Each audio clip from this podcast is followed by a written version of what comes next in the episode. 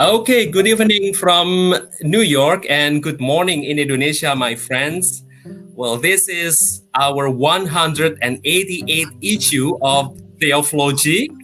And I am joined here by two fellows from Jakarta, Indonesia, Sheila Mawene and also Timotheus uh, Ferdino. Sheila is a graduate student at Jakarta Theological Seminary in Jakarta, and Timo is a graduate student at the Faculty of Theology at Duta Wacana Christian University in Yogyakarta. Well, we are profoundly pleased that a distinguished scholar would join us at this session. Our topic today is what is mysticism? But let me first introduce our guest to you all. Bernard McGinn is the Naomi Shenstone Donnelly Professor Emeritus at the Divinity School of the University of Chicago.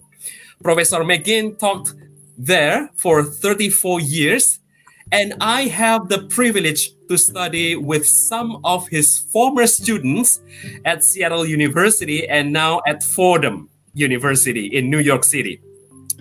The author and editor of many books, his most noted publications on mysticism are the six volume history of Western Christian mysticism under the title The Presence of God. Uh, he also serves as the chief editor in chief uh, of the Classics of Western Spirituality, published by Paulist Press. Professor McGinn is a fellow of the Medieval Academy of America and a fellow of the American Academy of Arts and Sciences. He has served as president of the American Society of Church History and of the American Catholic Historical Association. Professor McGinn, thank you very much for joining us um, this evening. And I would like to give you the time for you to lead uh, What is Mysticism? Well, thank you so much and, you know, for organizing this and for giving me the opportunity to um, talk about this on uh, what's really a worldwide level. I mean, that's what's so fascinating about what's happening to us, closed in as we are by the COVID virus. Nevertheless, we can talk to people around the world. And uh, I have a general talk here, obviously, under the title, What is Mysticism? And I hope to uh, provoke some thoughts and some questions from you and then to engage in, in conversation. So I'll speak for about um, 35 minutes or so. Is that is that about right? I don't want to overdo yes. um, uh, overdo this, but um, and I'll try to give you a general sense. This is not the first time I've given this talk. I've given this talk in various ways. It's not a written out talk. It's just a series of, of notes but I've given it in many uh, audi- too many audiences and many different venues, and I find it useful for provoking, as I said, people to think about mysticism. And so I'll, I'll start with that with that question. I mean, when you hear the word mysticism, what do you think of? You know, what, what, what do you think of? You know, take, take just a, a minute or two and think about what does mysticism mean to you? Well, you know, mysticism is a word that's very easily misunderstood. For lots of people, it means something that's bizarre, uncanny, weird, uh, magical, irrational. It's something you know very, very, very strange and, and, and very very different. Uh, for others, believing Christians, they know mysticism is a part of the Christian uh, faith tradition, as it is in other traditions but they think of it as the the realm of what I call the unusual, the paranormal, you know, uh, psychosomatic experiences that are very strange. People have visions, or uh, people who see the wounds of Jesus, the stigmata. People who levitate, fly up in the air. People who don't eat for years inedia. Severe kinds of asceticism. In other words, it's it's still very strange and unusual. For other people, again, I'm speaking mostly about Christian mysticism. You know, mysticism is is the uh, is a very elite phenomenon.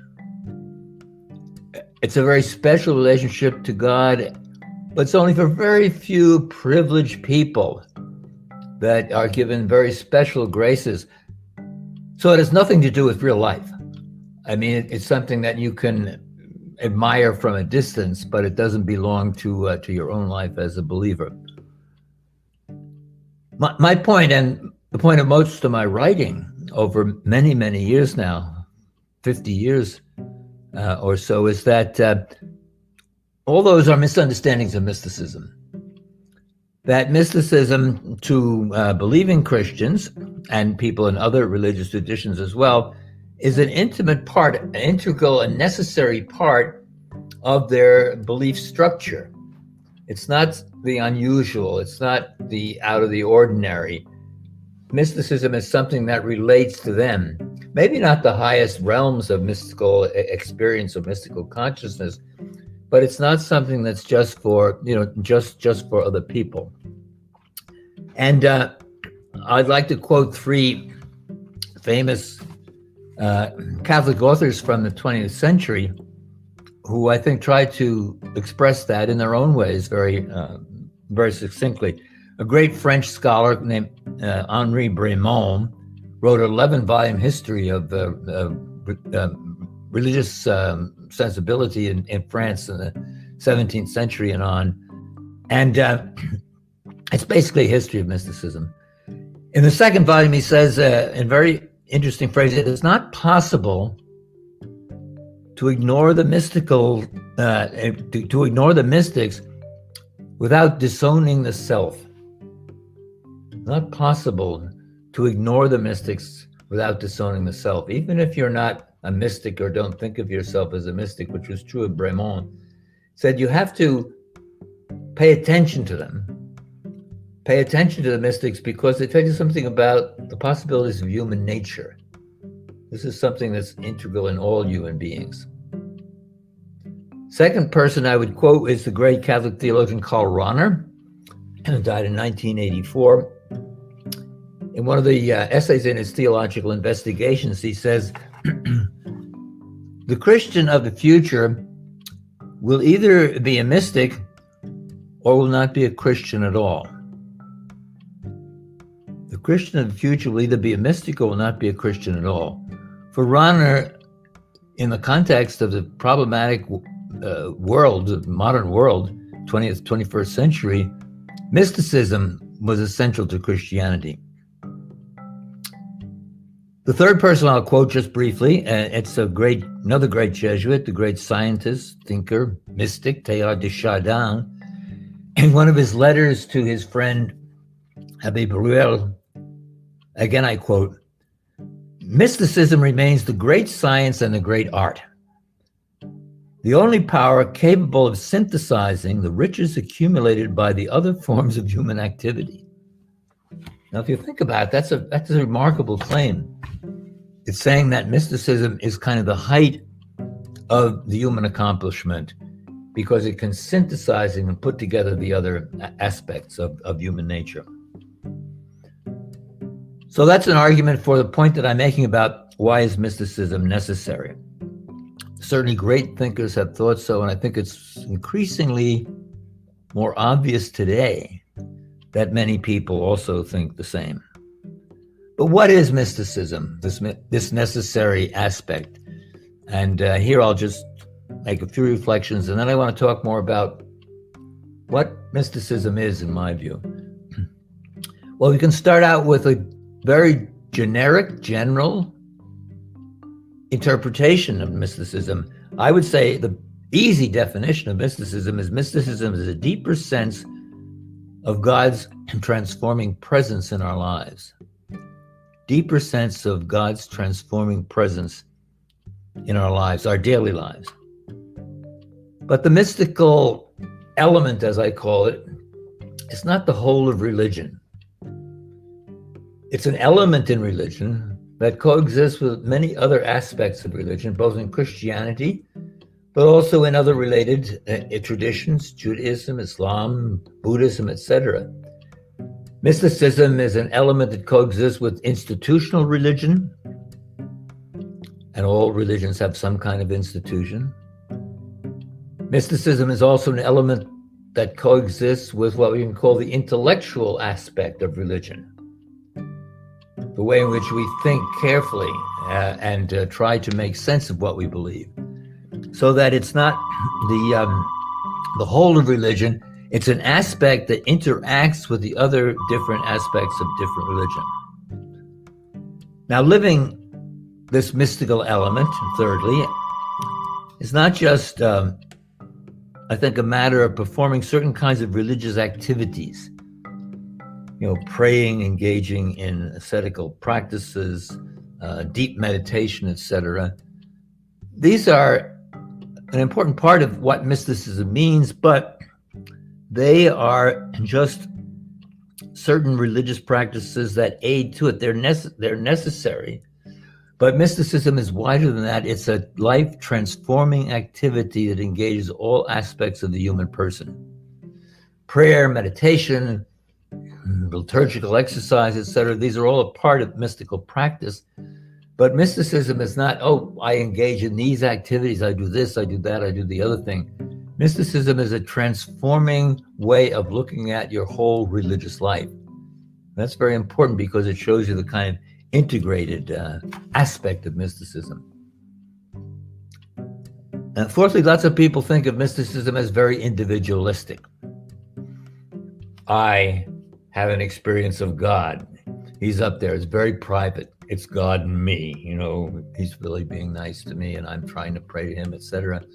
And but if you read the great mystics, both of all the traditions that I know, especially Jewish and Islamic a little bit, as well as Christianity, mysticism is personal. It does happen to you as an individual, but it's not it's not individualistic.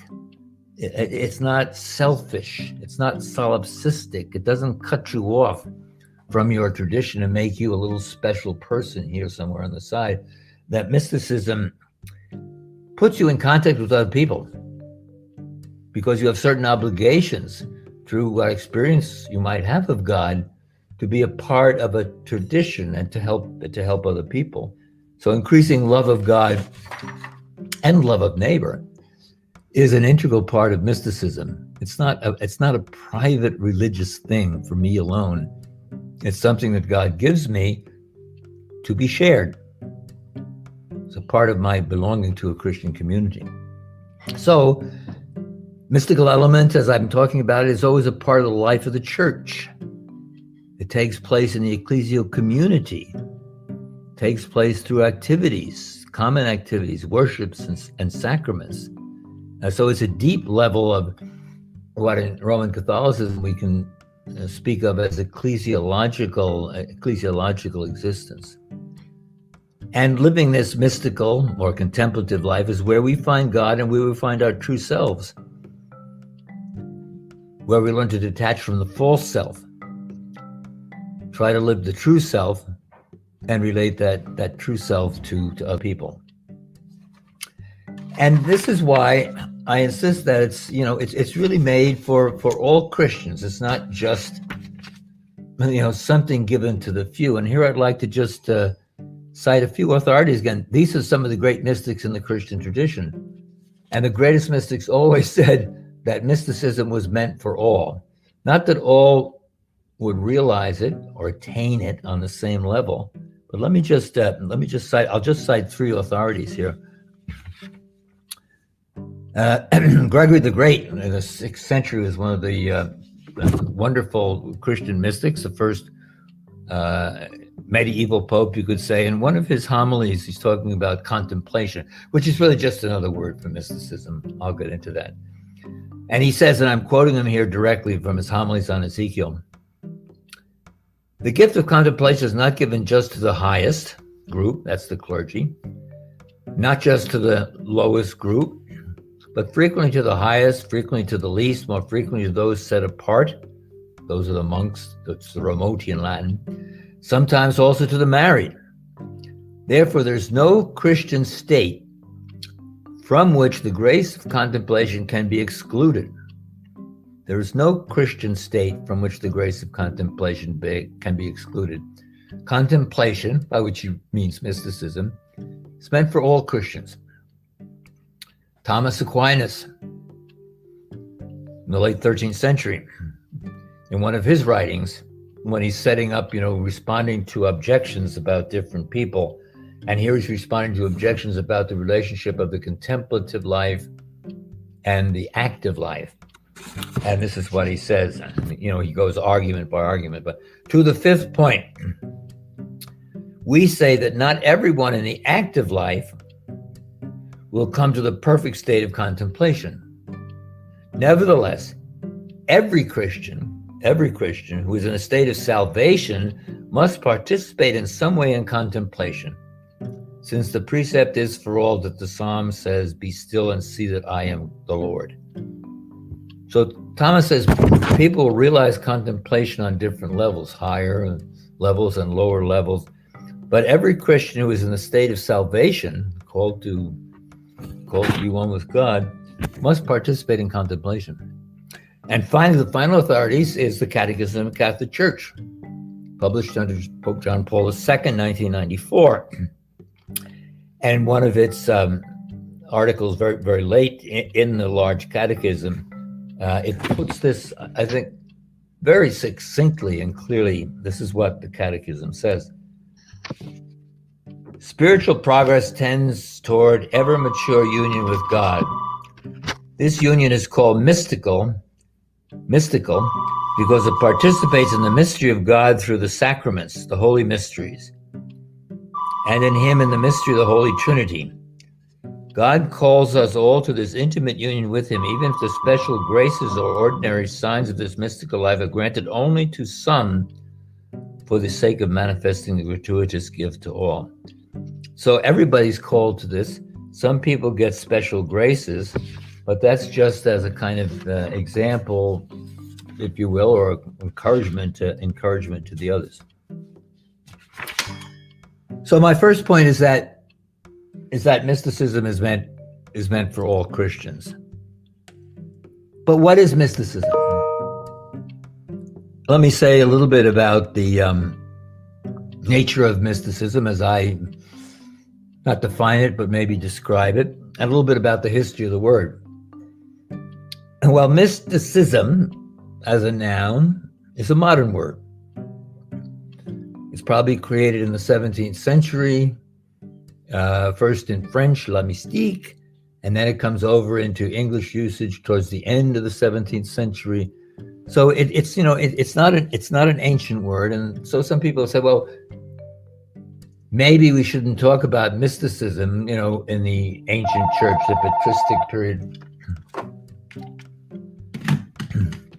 uh, and the medieval period. Maybe that's, you know, maybe that's an anachronism.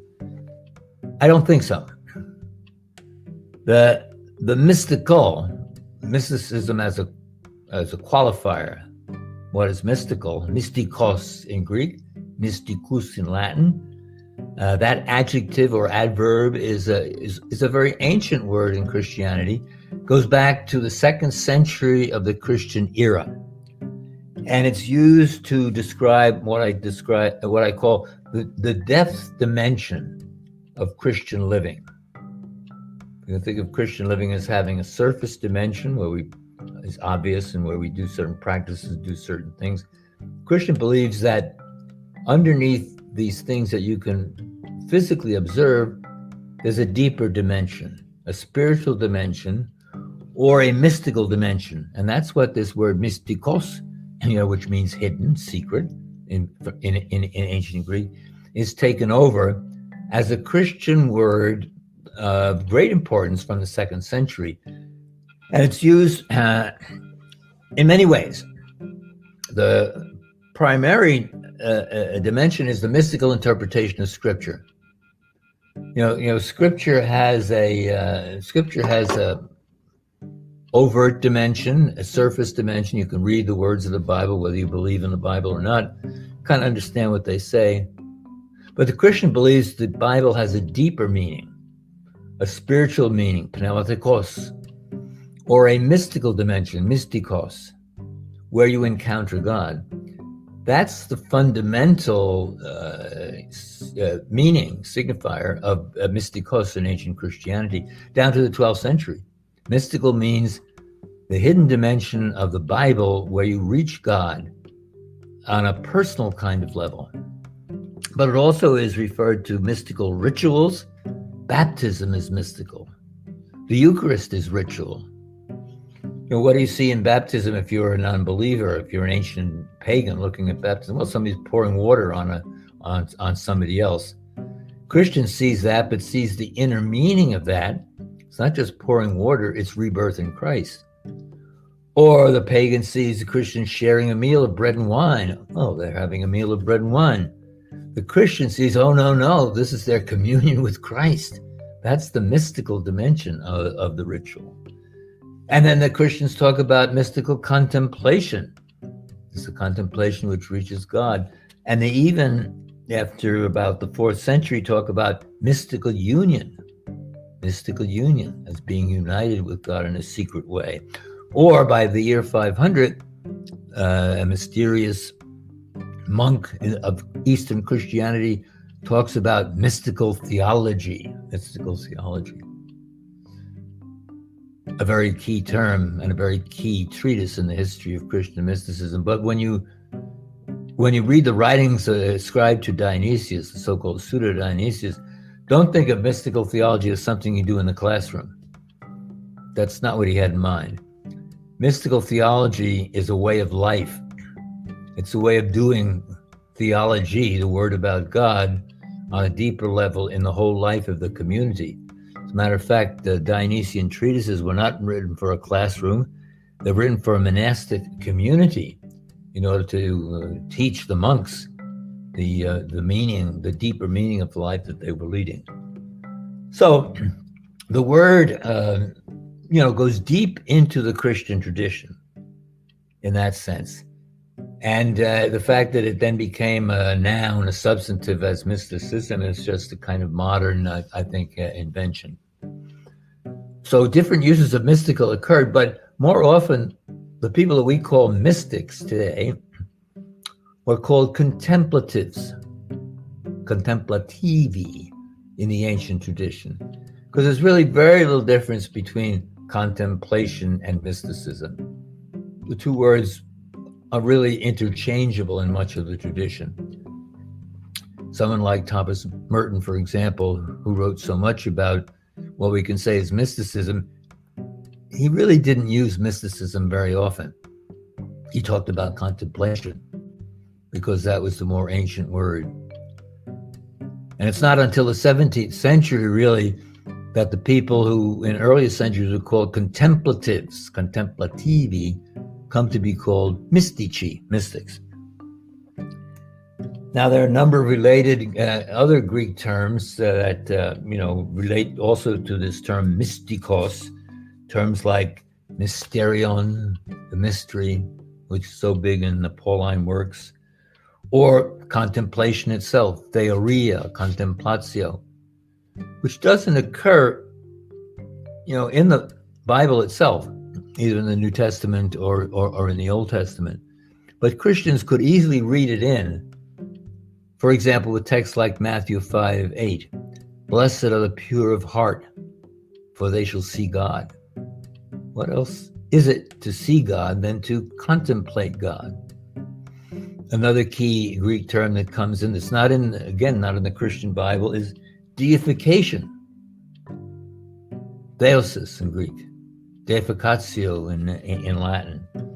They don't occur there, but they certainly are good interpretations of the basic intent of the Christian scriptures, which as early as the Father Irenaeus in the second century, as he put it, was the whole economy of the, of the incarnation was God became man so that man could become God.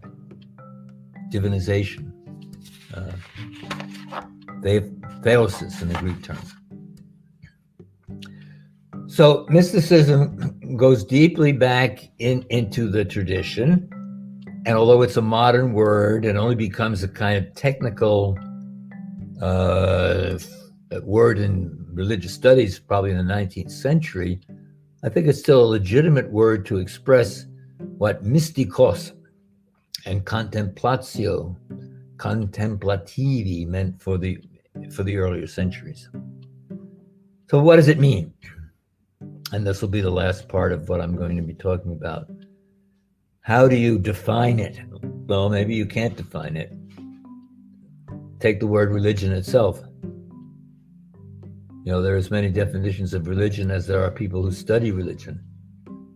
Part of the interest in studying religion is to see the interplay between the different definitions of religion and try to say, well, which one brings out which uh, kind of element. So mysticism is a little bit like uh, religion.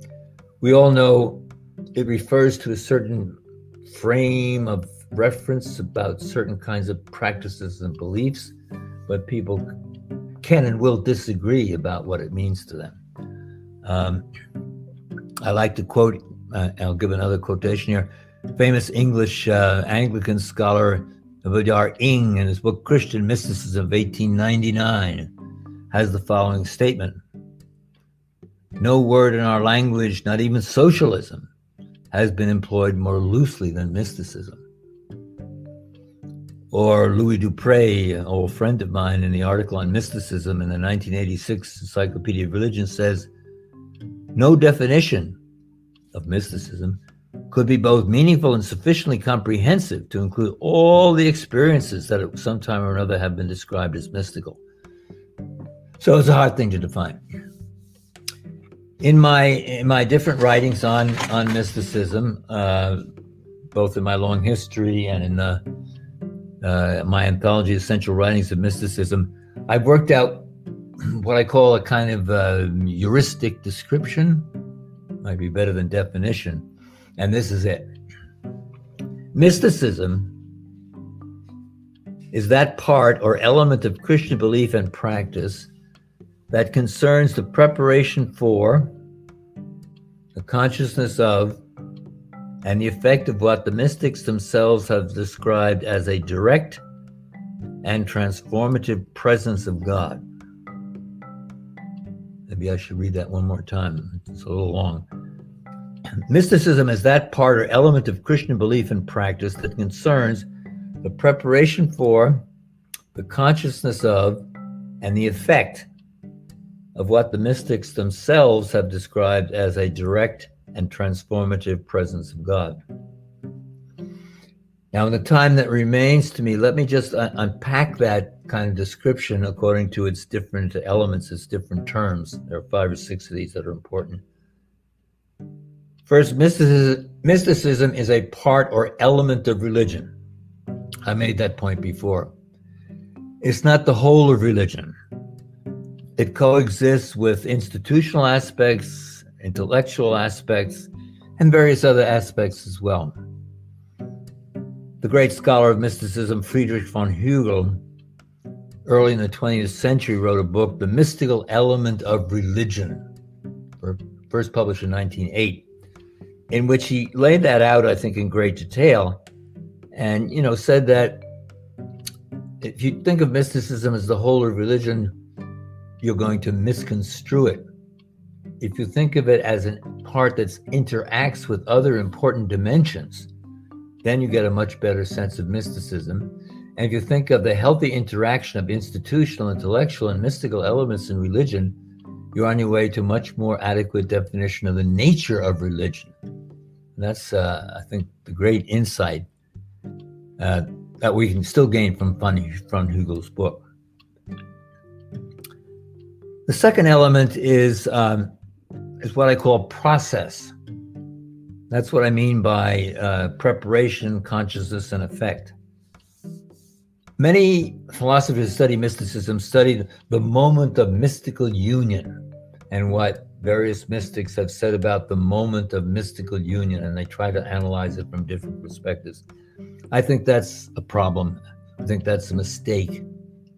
The, the mystical element is a process, it's part of a life story, a story of people, very great religious leaders, so that it's not just one moment, but it involves a journey through life that it has preparation, that has uh, various practices, that has an attainment of some deeper moments of consciousness of God, and that also has different kinds of effects of that. So we have to locate the mystical element back in the life of the mystics to separate it out, to talk about it in terms of, you know, these moments of union that a few mystics have described, is to really mis- misconstrue it, I think, very, very, very, very severely. So preparation is important, uh, but consciousness.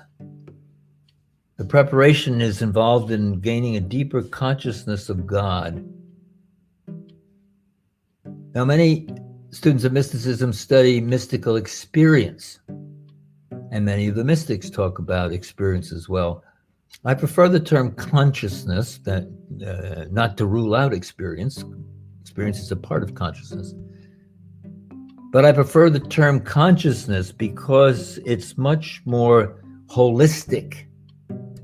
Many people think of experience as having an experience of some particular kind of thing, perhaps a very unusual thing that has never occurred to you before, feeling some new kind of uh, thing, experiencing some new kind of illumination or light. Consciousness is much broader than just experience.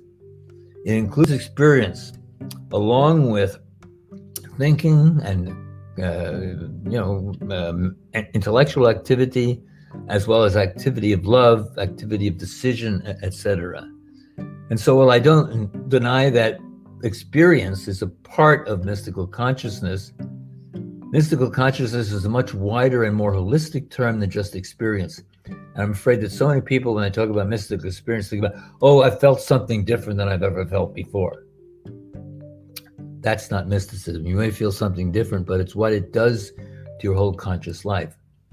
I also make the distinction here between um, what we can call um, experience of and experience in. You know, experience of something. I have experience of lifting up my watch here. I have experience of uh, drinking uh, a little bit of water for my throat. Uh, but for the mystics, it's more experience in. Experiencing. What does that mean? Well, suppose somebody is described as an experienced wine taster. Doesn't mean he just tastes wine all the time. His experience in tasting wine. He has learned a lot and he can think about that and he convey it to other people. So if there is an experience, mystical experience is much more an experience in than it is an experience uh, an experience of.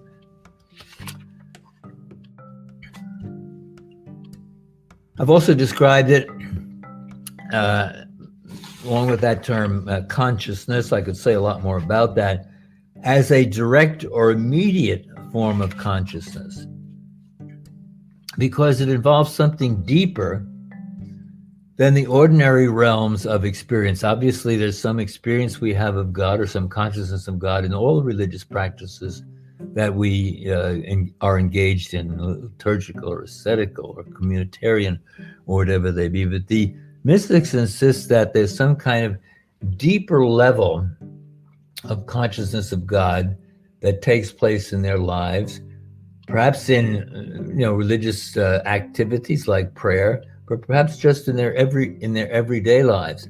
But it happens on a deeper level, a more immediate or a more direct level. That's a very important part of, of what they teach. There's a lot of philosophical and theological problems involved about can there ever be in this life an experience an, an immediate experience of God? Again, I'm not going to uh, go into those here, but I use the term direct or immediate in order to point to that element in the witness of the mystics that say they find God in a somehow deeper way than they do in their ordinary forms of life. Uh, the fifth point is the notion of transformation. That this consciousness of God on a deeper level is transformative. It changes the person and it enables the person to help others to be transformed as well. So that here, mysticism again goes back to the point I made in the beginning. It's not just personal or private or solipsistic in some way. It transforms the person, but it transforms the person so that that person can reach out to others. Mystics, often, not all mystics write, not all mystics teach, but the history of mysticism is only what we can learn from those who have written and from those who've taught others. And they feel that their deeper experiences of God have given them a kind of vocation, that they have to communicate the message, no matter how difficult uh, that message is. And that message involves a new way of, new ways of uh, of coming to uh, a deeper awareness of God that involves both uh, both the uh, the intellect and the will involve both knowing God and loving God. Knowing God in a deeper way because knowing the awareness that you can never really know who or what God is, or knowing God, as the mystics say, often connaturally, by a kind of connatural knowledge that you can't put in words. It's not knowing more about God but it's knowing God in a new way. And effectively, it's a new awareness of being loved by God, being loved by God over, in a sense, overwhelmingly. Romans 5 5, God has poured out his love into our hearts. You might say that's the definition of the, the affective transformation that the mystics talk about. God has poured out his love into our hearts. We didn't gain it, it was a gift. Transformation. How do you know the transformation has existed? And I'm coming up to uh, my my last few minutes here. Well, the transformation is only known by its fruits, as the Gospel of Mark, Matthew seven sixteen. By their fruits you will know them. So mystics are known by what they do and the effect that they have had. Not that mystics are perfect people; they're human beings. They have their faults. They made their mistakes they're not superhuman beings, but they did make an effect. By their fruits, you'll know them. And then finally, two uh, two final terms: presence. Now, why emphasize the presence of God when often the mystics talk about God's absence? Well, the whole mystical life and experience is a kind of combination, uh, if you will, an oscillation between presence and absence both of which are both of which are very very important. And uh, in that sense uh, experiences of god's presence often then are followed by experiences of god's absence. And the mystic learns both from the presence both from the consciousness of presence and the consciousness of absence more about how to appreciate the real divine nature. I have here one more quotation from great French uh, philosopher, 20th century and mystic Simone Weil, from her notebooks. Contact with human creatures is given us through a sense of presence. Contact with God is given us through the sense of absence. Compared with this absence, presence becomes more absent than absence. Think about that. And then finally, language. The study of mysticism begins with the mystical text and its language. You know, we, we have no direct access to the consciousness of another person. So you can't really study, you know, uh, mystical consciousness, even if you put wires on people's heads, I think you might see brainwave differences. But what does that have to tell us? Mysticism as a tradition exists in terms of language, the way human beings communicate and express to each other.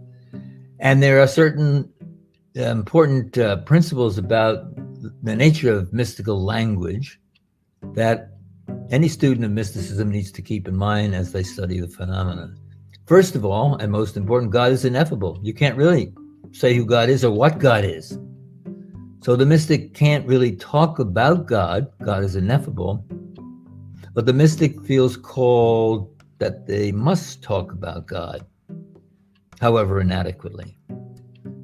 And that means that language in being used about God is always going to be stretched, transformed, subvertive. It's not, a, it's not going to be scientific language, denotive language. It's going to be much more like poetic language than it is like any kind of scientific language. And that kind of mystical language, then, a more poetical language, will involve many kinds of verbal strategies and games, I call them mystical games that many mystics play, similar to what other great literary artists, poets, and uh, and uh, and prose writers. It will involve all sorts of kinds of images, metaphors, paradoxes, rhetorical excesses, etc., etc. You have to pay attention to the language that the mystic uses. Mystical language finally will have a particular uh, form of characteristic. That is, it has to be both positive and negative. It has to be both what the mystics, going back to Dionysius, called cataphatic, speaking positively, and apophatic, speaking negatively. That is, you say God is good. That's cataphatic. But then you have to immediately deny that and say God is not good, apophatic, because God can't be good in the way in which we understand God. And so all mystics will make use of both forms of language. You can't divide them into cataphatic mystics and apophatic mystics. They're all both. But they use cataphatic and apophatic in different registers in different ways. That's part of what makes the study of mysticism interesting. And the best and most important mystics also insist that you have to go beyond both affirmation and negation to a higher level, a level that we can't really speak about. That is, we have to go beyond both affirmation and negation to talk about God as what I in a what I call hyperphatic terms, where you explore the limits of language God is good, God is not good, God is beyond good and uh, and not good in a kind of realm that uh, ends in silence, which is where many mystics do. So I could say much more, but I think that that's probably my my time thus far, and I'll invite uh, questions, observations. Uh, criticisms, uh, attacks, whatever. Well, thank you very much for your presentation, Professor McGinn. Uh, I have uh, many notes from your very inspiring uh, lecture. Um, but let me start with uh, simple, some simple questions, and then I will uh, give to my colleagues here to ask questions to you. And I also invite uh, our audience in uh, wherever you are uh, to use the live chat on YouTube, and I will show the, the your question um, on the screen. Um, Professor McGinn, many of our audience are theologians and uh, they like studying theology. Um, do you think it is important for theologians and students in theology to study mysticism? Uh, because uh, for some people, mysticism is kind of vague and uh, they still don't know what mysticism is about. Uh, whereas theology is a systematic, disciplined, and very um, scientific sort of. Um, so, do you think it important for students of theology to study? Oh, I, I think it's vital today.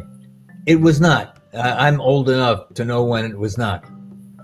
Uh, 50, 60 years ago, mysticism was really on the fringes and was not considered very, very, very important one of the most important things in theology, because the last uh, 50 to 80 years, you could say, has been the rediscovery of spirituality and mysticism as integral to theology. All the great theologians of the late 20th century made that point. You can talk, you can you know you can point to the von Balthasars and the Rahners and the Lonergans and.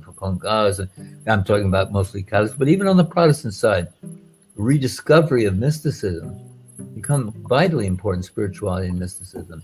And many of these scholars pointed back to the unfortunate things that happened in the late Middle Ages, probably in the 14th century, 15th century, when spirituality, mysticism, and, and school theology, which had been together, began to separate.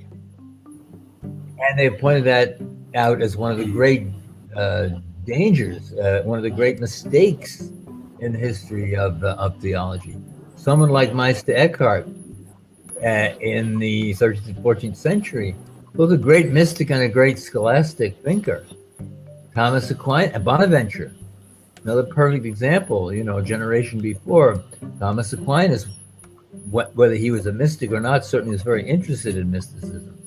So I think in all Christian traditions today, there's a recognition that a theology without mysticism and spirituality is an arid, useless, I would have to say, enterprise.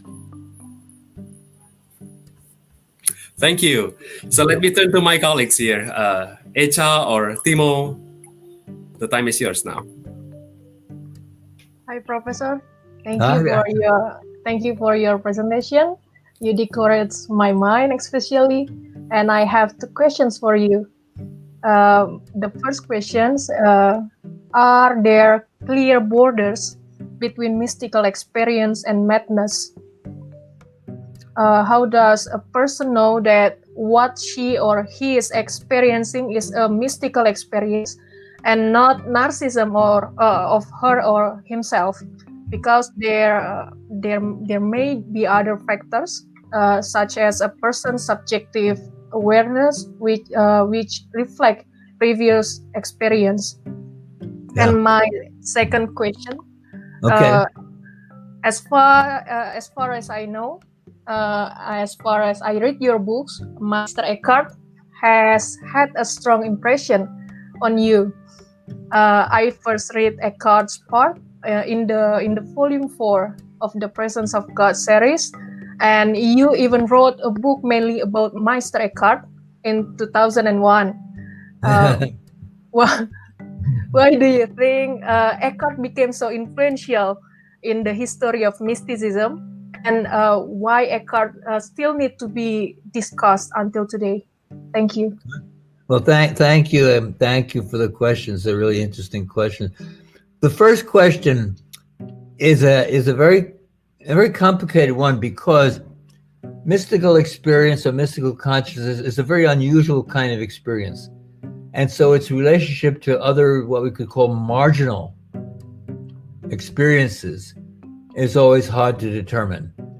And many mystics have been accused of having, you know, various psychological problems or falling into into psychological, uh, what we call, you know, psychological illnesses today.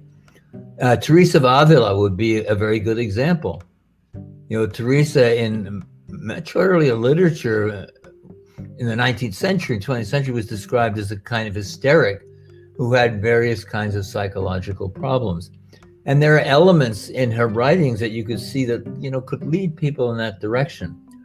Um, but the, the problems, the personal problems that many mystics have had and described ordinarily lead them to a stage of integration rather than to a stage of disintegration, the way that mental illness often does. This is certainly the case with someone, someone uh, uh, like like Teresa. So that I, I think certainly many of the things described by some mystics are close to what we just would define today as depression or various other kinds of psychological problems. They're part of a life story that leads in a in a different kind of direction. But that's not always easy to determine in particular cases. However, the tradition tried to work with that as a big uh, theme in Christian history about the discernment of spirits, as a phrase that occurs in the New Testament, as you probably know. That is, not, not all people who claim very special kinds of experiences and forms of consciousness maybe are uh, are really you know legitimate. Their spirit needs to be discerned and does that spirit come from them, from within, from maybe their own illnesses? Does it come from the devil? This was the other determination in the Middle Ages, or is it, or is it a spirit that comes from God? Uh, now that you know that's a, a practical case. There's no hard and fast rules for discernment of spirits, but all the mystics were very well aware of the need for discernment of spirits. You just don't take everything that somebody says and say, "Oh yeah, well that's perfectly fine." So uh, your question is a is a large one. There've been a lot of books written on the relationship between psychological experiences and uh, various forms of what we would today call mental illness, especially depression and, and, and mystics. And some mystics certainly experience things that sound much like mental illness, but often they work their way through it. And as for Meister Eckhart, I mean, I think he's um, one of the most important uh, mystics in the history of the Christian tradition for many uh, different ways. Uh, for one thing, he combines, as I said before, you know, a very rich theological thinking with also a very powerful vernacular mysticism preached to people in, uh, you know, of his era in, in, in medieval Germany. So he's a great example of how the best mysticism is also deeply theological and and thought through. And it's not just you know some some kind of ex- excessive uh, kind of emotionalism. Uh, meister eckhart is a theologian he's a philosopher he's all those things but he's also a mystic. And you can't uh, divide that. And so as a wonderful combination of theologian philosopher and mystic i think he still holds a lot of uh, kind of ex- exemplary he holds an exemplary uh, position for people who study mysticism today? That's a short answer to a complicated question, but thank, thank you, Sheila. Thank you, Professor. Professor McGinn, uh, I, I have a question related to uh, what Sheila asked, especially the first question. Uh, I'm sure that you are also aware uh, some of your critics uh, has have posed uh, your use of consciousness uh, rather than uh, experience. For them, you have been accused of being rationalistic by using that term rather than experience. So, how would you comment uh, to your critics? Yeah, well, I mean, people may have different meanings that they put into consciousness as well as into experience. For me, consciousness is the awareness that exists on all levels of human of the human subject's activity.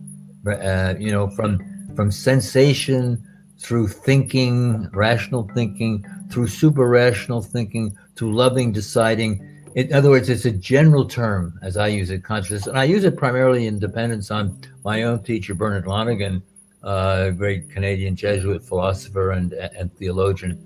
That I'm not thinking of consciousness in a narrow, rationalistic sense. I'm thinking of it in a holistic sense that embraces all human awareness. And for me, then, that's why I prefer it to the term experience because it includes experience.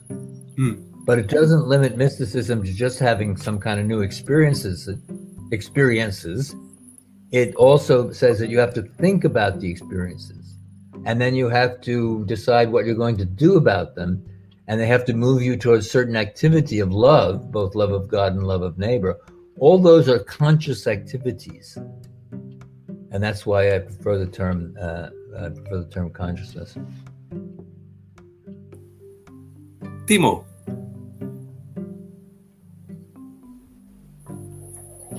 Well, thank you, Professor, for your insightful lecture in this morning in Indonesia and also evening in, in the I'm States. Sorry to make you get up so early. it's okay. Uh, so my, I have uh, some questions for you. Uh, the first one is, when you mentioned that uh, mysticism is about how to say transforming activity in in all in all of our aspects.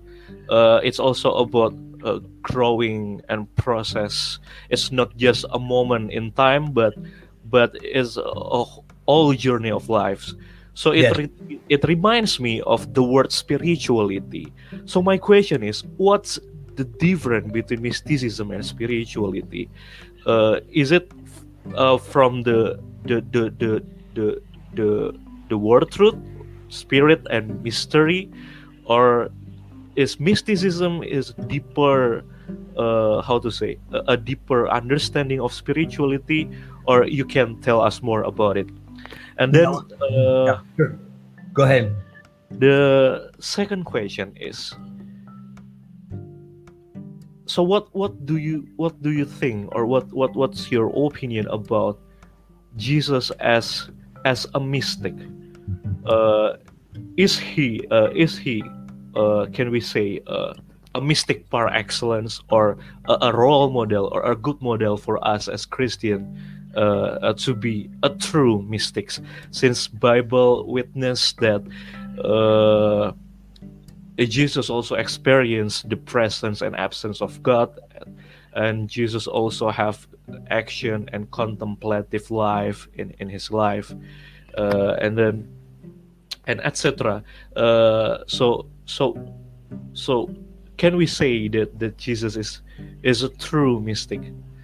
Uh, and then the the third one uh, you mentioned also about uh, uh, deification uh, uh, as a mystical element or mystical experience. So is this is this something that uh, how to say uh, being uh, it's it's the the the goal of, of of human life? Is it the the how to say is it part of the i don't know what what's the words? Mm,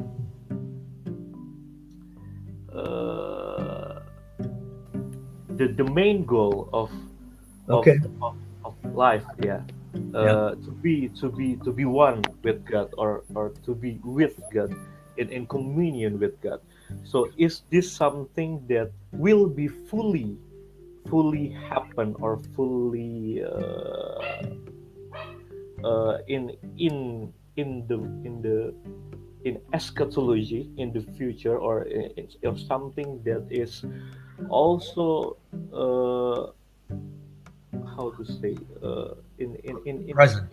in life yeah. Yeah no present in life no.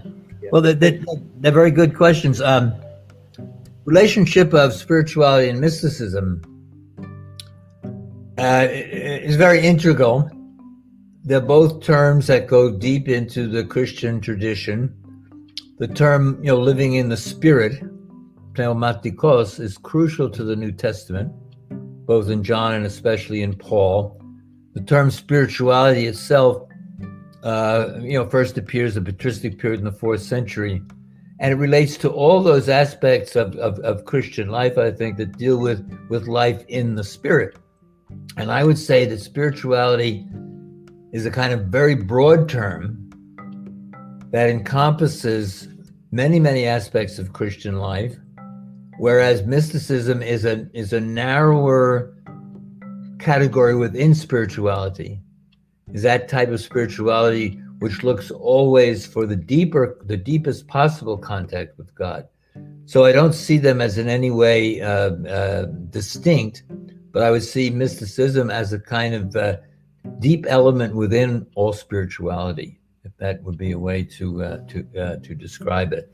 And you know both these terms of course um, as a, spirituality as a noun is older than mysticism but they've always existed together, and many people use them interchangeably. And I have no great problem with that. But if people ask me, is there a difference? You know, that's how I would express the difference. Spirituality is a general term, mysticism is a category within spirituality, defined by its seeking the deepest possible level of contact. Jesus is the exemplary mystic in the whole Christian tradition as you said, you know, is, is Jesus? Yes, he that for the Christian mystics, Jesus is is the first mystic. He's the prime mystic because of his relationship with God, his Father, is absolutely essential and deeper than anyone else, as he says throughout all of the Gospels, and as he as he as he as he mentions, you know, and as he as he prays and as he talks in different ways about his unique relationship with his Father, his direct relationship with the Father I mean, so Jesus is is the exemplary mystic, and that's certainly the way in which he's understood in the Johannine, Go- well, the Synoptics, the Johannine Gospel, and especially in Paul. So, um, I mean, Jesus has a unique relationship because he's Son of God in the deep, in the deepest possible sense, who invites us to join him in sonship, but our sonship w- will always be, if you will, less than his. It's along with his. It's not on our own. It's only with and through his. So Jesus is is crucial, and almost all Christian mystic mysticism is Christological. It has to be, otherwise it wouldn't be Christian. The Christology of the mystics is expressed in different ways because you know they're all very they're all very different uh, kinds of figures, so they they take their Christology in different kinds of directions. But there's no Christian mystic who who is not a, a Christological a, a, Christological mystic. And finally, your third point, which um, w- remind me now of this again because I got worked up in my, um, which was about uh, oh uh, uh, deification, divinization. Um,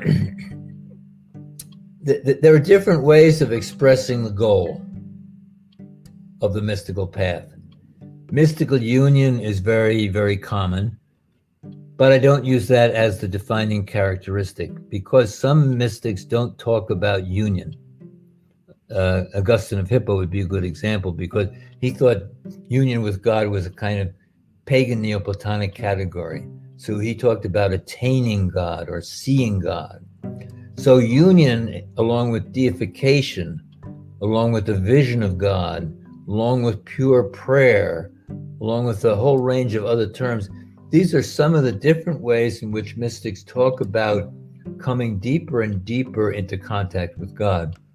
And deification, I think, is a very central one because the whole meaning of uh, the gospel, expressed particularly in the Johannine prologue, you know, God became man so that man could become God. That's that's deification.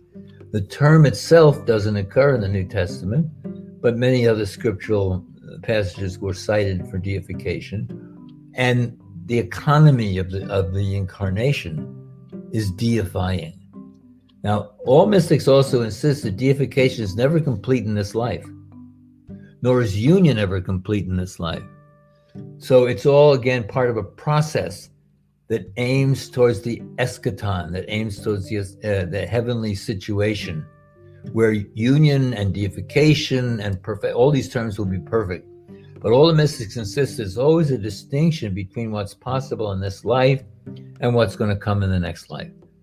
And so while divinization, deification exists here below, it's never perfect. While union here may exist and sometimes be a kind of foretaste of what will come in heaven, it's never going to be the same in heaven. It won't be permanent. It won't be as deep uh, it won't be as uh, as as realized. So that um, that's another part of the process aspect of history of Christian mysticism. It's a process that we're on that's not can't end here below. Can only end in the goal. So you could say that all mysticism is eschatological, which I think is is, is, is certainly true. So is that, and uh, one final point on divinization, uh, deification, I mean, they can be interchangeable. Many Christians think that deification is a matter only of Orthodox Christianity.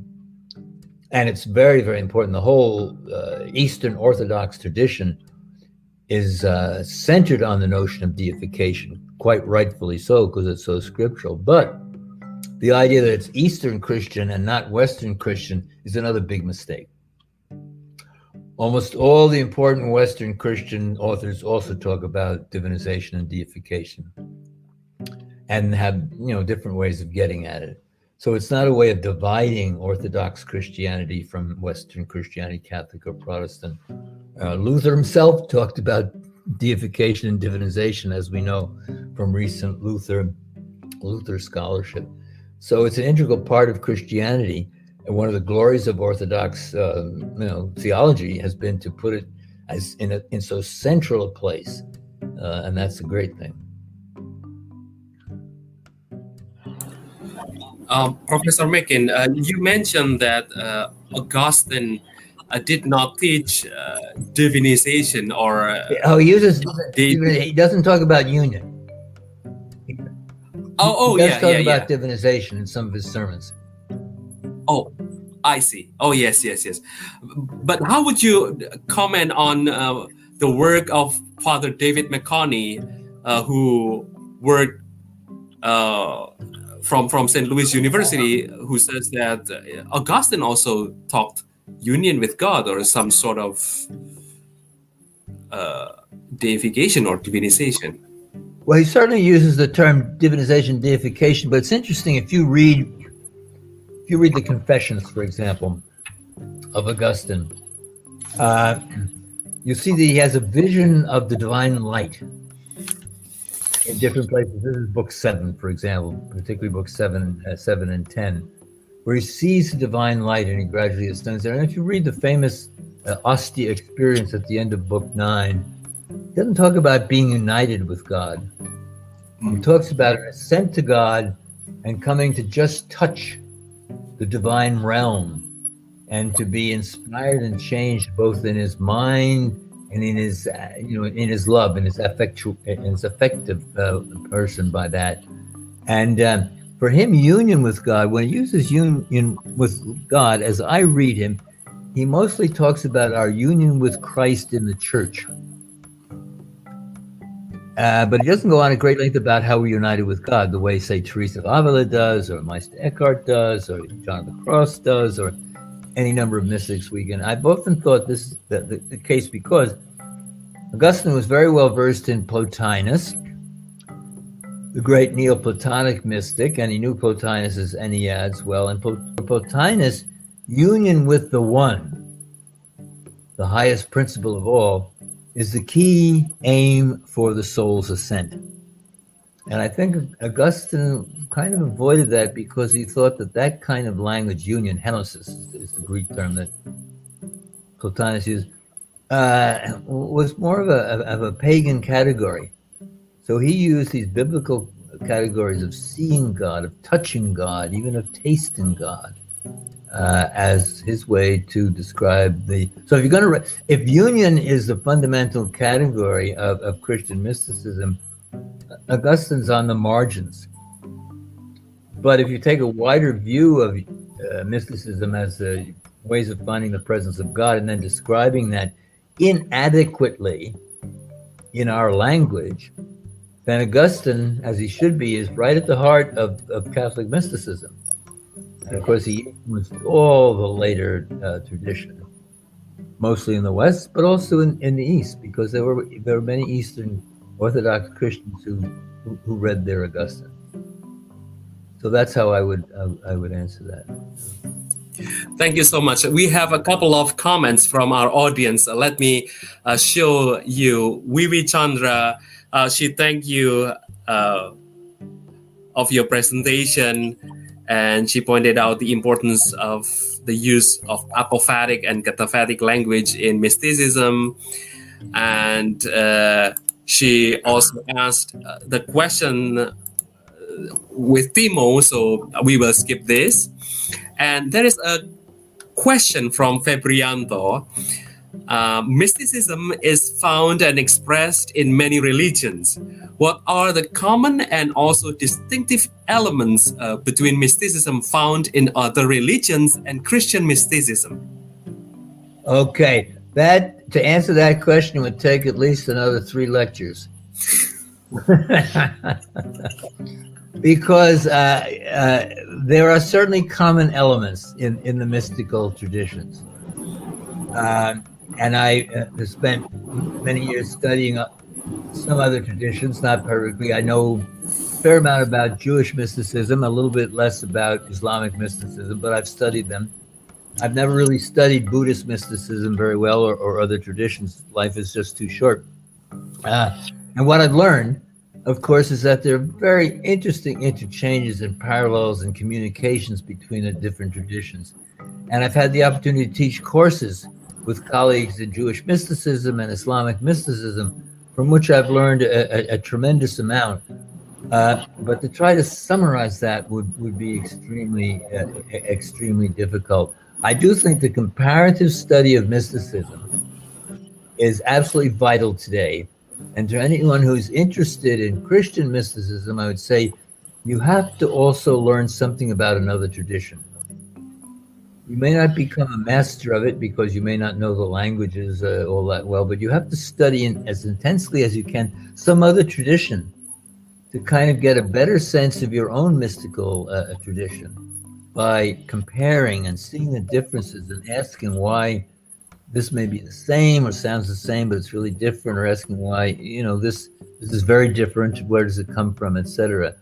So um, the comparative study of mysticism is a crucial element in today's world of the recovery of mysticism in our ecumenical ecumenical age. And out of that, we'll be able to make better uh, judgments about where the traditions may be the same and where they may differ. You know, there's much earlier work done on this in the past century, century and a half, but frankly, a lot of it is pretty superficial. Uh, whereas today, I think we have to plunge deeper, try to compare traditions from their own perspectives and not just from a Christian perspective or just from an Islamic perspective or whatever. That's the work to be done in the generation to come and the generations to come, not just one.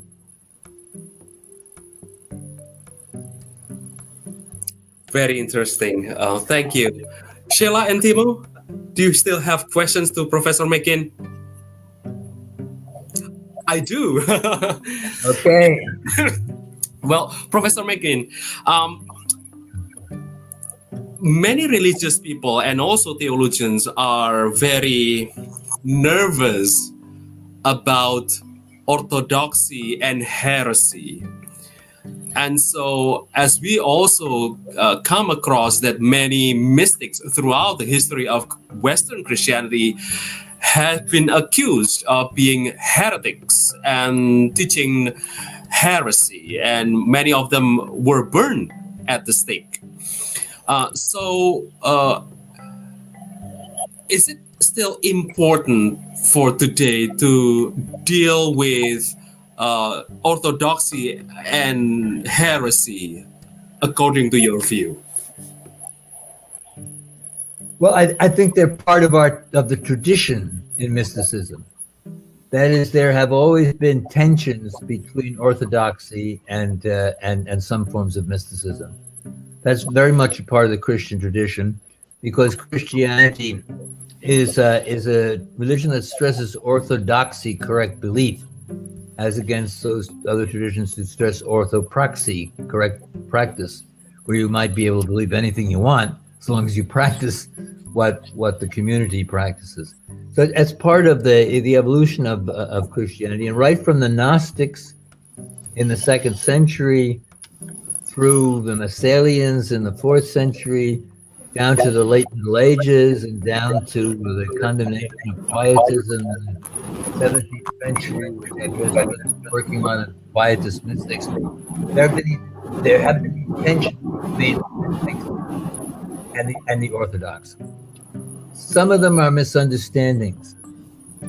Some of them are exaggerations on the part of some mystics. That's certainly true. Others of them are, are, are come from the side of the Orthodox in uh, in a kind of uh, rigidification hmm. of their of their view of the essence of, of religion. They're part of our history. We have to learn and study them. I'm not sure, and that's that's something that has to be done. A better understanding of these tensions between uh, mysticism and, and, and orthodoxy I think is part of where we are at the present time. And one of the things that might that might teach us is to be much more careful about making accusations of uh, of heresy. It's a it's a category most Catholic theologians don't really use today very very much, and I think that's very very good. But we still have to make decisions. We still have to make judgments about certain kinds of teaching that uh, you know that fit with the tradition, other kinds of